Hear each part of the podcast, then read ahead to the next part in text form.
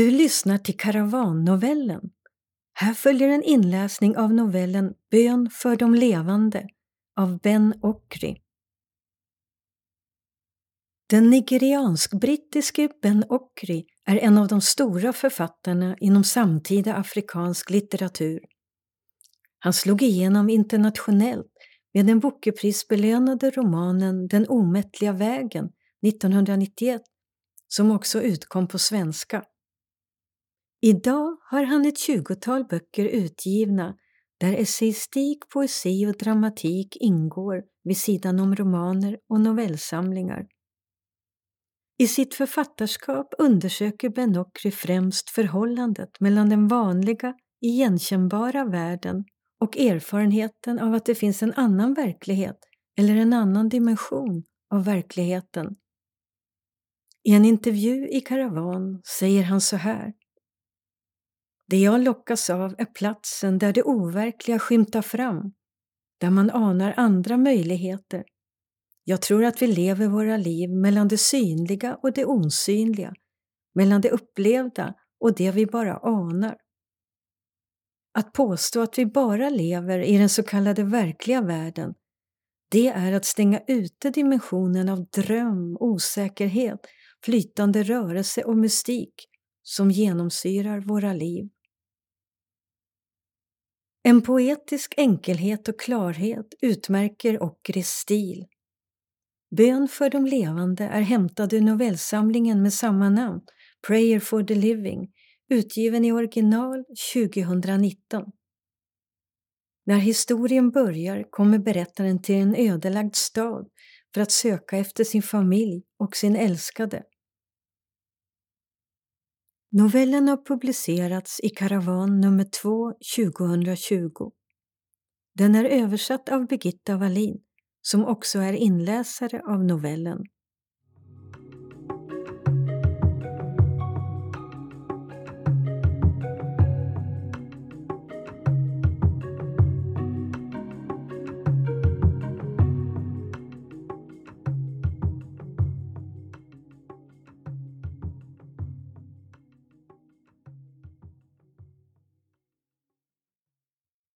Bön för de levande En novell av Ben Okri Vi kom till staden i solnedgången. Vi gick från hus till hus. De flesta tak var förstörda och väggarna hade blåst isär. Allt var förfallet och övergivet. Staden dallrade av död. Världen befann sig i ett perfekt kaos Vapensmugglare levde på förödelsen. Det var som väntat. De små gudfäderna vid makten la beslag på maten som kom till oss. De saboterade luftbroarna och nödhjälpen. De delade maten sinsemellan och bland medlemmar i sin klan. Vi brydde oss inte längre. Jag har gått utan mat i tre veckor. Jag livnar mig på luft och på mitt sökande. Varje dag, allt medan jag blir tunnare, ser jag fler saker runt omkring mig. Jag ser de döda. Jag ser de som har dött av svält. De döda är lyckligare än vad vi är. De lever sina självlysande liv som om inget hade hänt. De är mer levande än vi. De är överallt. Ju hungrigare jag blir, desto bättre ser jag dem. Jag ser mina gamla vänner som har dött före mig i en kör av flugor. De livnar sig på ljuset i luften. De ser på oss som lever med medlidande och deltagande. Jag antar att detta är vad de vita inte kan förstå när de kommer med sina tv-kameror och sin hjälp. De väntar sig att se oss gråtande. Istället ser de hur vi stirrar på dem med en tilltagande fridfullhet i våra ögon. Vi ber inte om något. Kanske är de i hemlighet förfärade över att vi inte är rädda för att dö på det här sättet. Men efter tre veckors hunger reagerar man inte längre. Man är mer död än levande.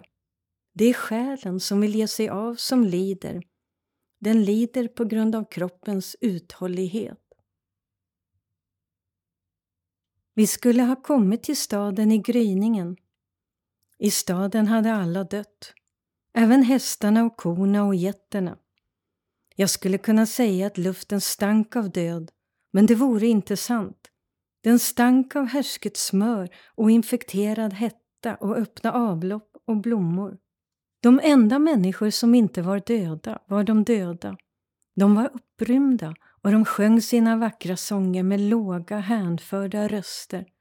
De fortsatte sina vanliga liv. Soldaterna slogs oupphörligt. För dem spelade det ingen roll hur många som dog. Det enda som betydde något var hur de hanterade krigets grymma matematik. Det enda de brydde sig om var att vinna det viktigaste slaget av alla, att ta kontroll över denna ofantliga begravningsplats, detta en gång så sköna och civiliserade land. Jag sökte efter min familj och min älskade. Jag ville veta om de var döda eller inte. Om jag inte lyckades utröna det tänkte jag hänga kvar vid livhanken in i det sista. Om jag visste att de var döda och inte längre behövde mig, då skulle jag dö i frid. Alla underrättelser förde mig till den här stan. Om de är någonstans så är de här. Detta är den sista staden i världen. Bortom dess sönderslagna port ligger öknen. Öknen sträcker sig hela vägen in i det förflutna. Den sträcker sig in i historien, in i de västliga världarna. Den utsträcker sig till torkans och svältens källa, till bergen av kärlekslöshet. Från dess toppar sjunger förnekelsens bistra andar själsstödande sånger om natten. Deras sånger tar hoppet ifrån oss och får oss att ge upp vår kraft. Deras sånger är svala som regn från bergen och får oss att resignera inför döendets klarhet. Innan allt detta skedde fanns alla möjligheter i världen. Det fanns chanser att börja på nytt med enkla medel. Det fanns alla utsikter att skapa en ny värld och en ny framtid om vi bara hade uppmärksammat dem, om vi bara hade tagit dem. Men nu ligger endast förnekelsens sånger framför oss. Vi söker mekaniskt efter våra älskade. Vi söker med en torrhet i våra ögon. Våra magar existerar inte längre. Inget existerar förutom sökandet. Vi vänder på liken, letar efter bekanta ansikten. Alla ansikten är bekanta. Döden har gjort dem alla till mina släktingar. Jag fortsätter att söka. Jag finner ett främmande ansikte. Det är min bror. Jag nickar. Jag öser damm över hans kropp. Timmar senare, vid en torr brunn, finner jag de övriga familjemedlemmarna. Min mor håller fast vid en kropp så uttorkad att den inte ens kan föda flugorna längre. Jag nickar två gånger. Jag öser damm över dem. Jag fortsätter att söka. Det finns ytterligare ett ansikte vars främmande älsklighet kommer att trösta mig. När jag har funnit det ansiktet, då kommer jag att överlämna mig till förnekelsens sånger.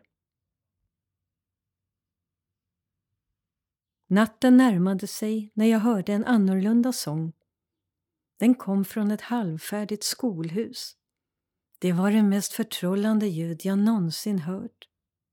Jag tänkte att bara de som vet hur ljuvt livet är kan sjunga på det viset, kan sjunga som om att andas vore att be. Sången var som den glädjefyllda inledningen till all skapelse. Den var ett heligt ja till ljuset som finns i allt, ljuset som får vattnet att glimra, som får plantorna att skjuta skott, som får män och kvinnor att med förundran se skimret hos färgerna, det smaragdgröna hos havet, silvret hos stjärnorna. Den var det sanna slutet på mitt sökande, musiken som krönte mitt trolösa liv. Den var det slut jag varken kunde ha hoppats på eller föreställt mig. Det tog en oändlighet att ta sig till skolhuset. Jag hade ingen ork kvar. Det var bara sångens sista eko, återljudande genom hungerns rymder, som höll mig uppe efter en mycket lång tidsperiod under vilken historien upprepade sig och fick samma följder eftersom vi aldrig lär oss vår läxa, aldrig älskar tillräckligt för att dra lärdom av smärtan. Efter kanske ett århundrade kom jag slutligen fram till skolans port. Men en ko, den enda levande varelse jag såg i staden, gick in genom dörren före mig. Också den måste ha dragits dit av sången. Kon gick in i huset och jag följde efter. Där inne var all plats upptagen av de döda. Men i luften fanns inte död. I luften fanns bön. Bönerna stank mer än de döda. De döda här var döda på annat sätt än liken utanför. De döda i skolan var, ursäkta paradoxen, levande. Jag har inget annat ord för att beskriva deras rofylldhet. De hade gjort rummet heligt. I deras sista stund hade de inte tänkt på sig själva utan på alla de som lider. Jag gjorde samma sak. Jag kravlade mig fram till en hörna, lutade mig mot den skrovliga lerväggen och upptäckte att jag bad för hela människosläktet. Jag vet att böner förmodligen är slöseri med tid. Men jag bad för allt det som lever, för berg och träd, för djur och floder, var än de kan tänkas vara. Jag hörde det ångestfyllda vrålet från mänskligheten, hörde dess enträgna musik.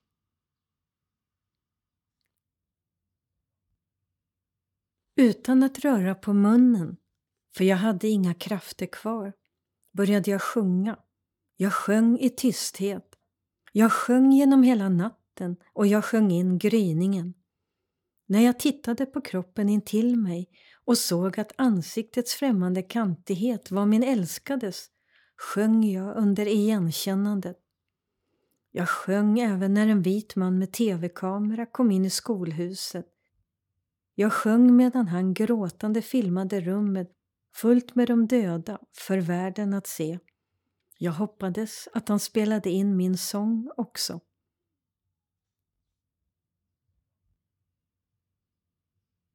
De döda fanns överallt omkring mig. De var fridsamma. De manade inte på mig. De var bara stillsamt upprymda. De frågade inte om jag ville ansluta mig till dem. De lämnade det åt mig. Vad skulle jag välja?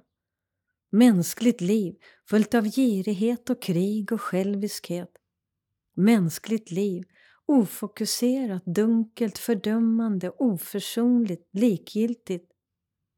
Mänskligt liv behagligt, ibland underbart, ibland gott.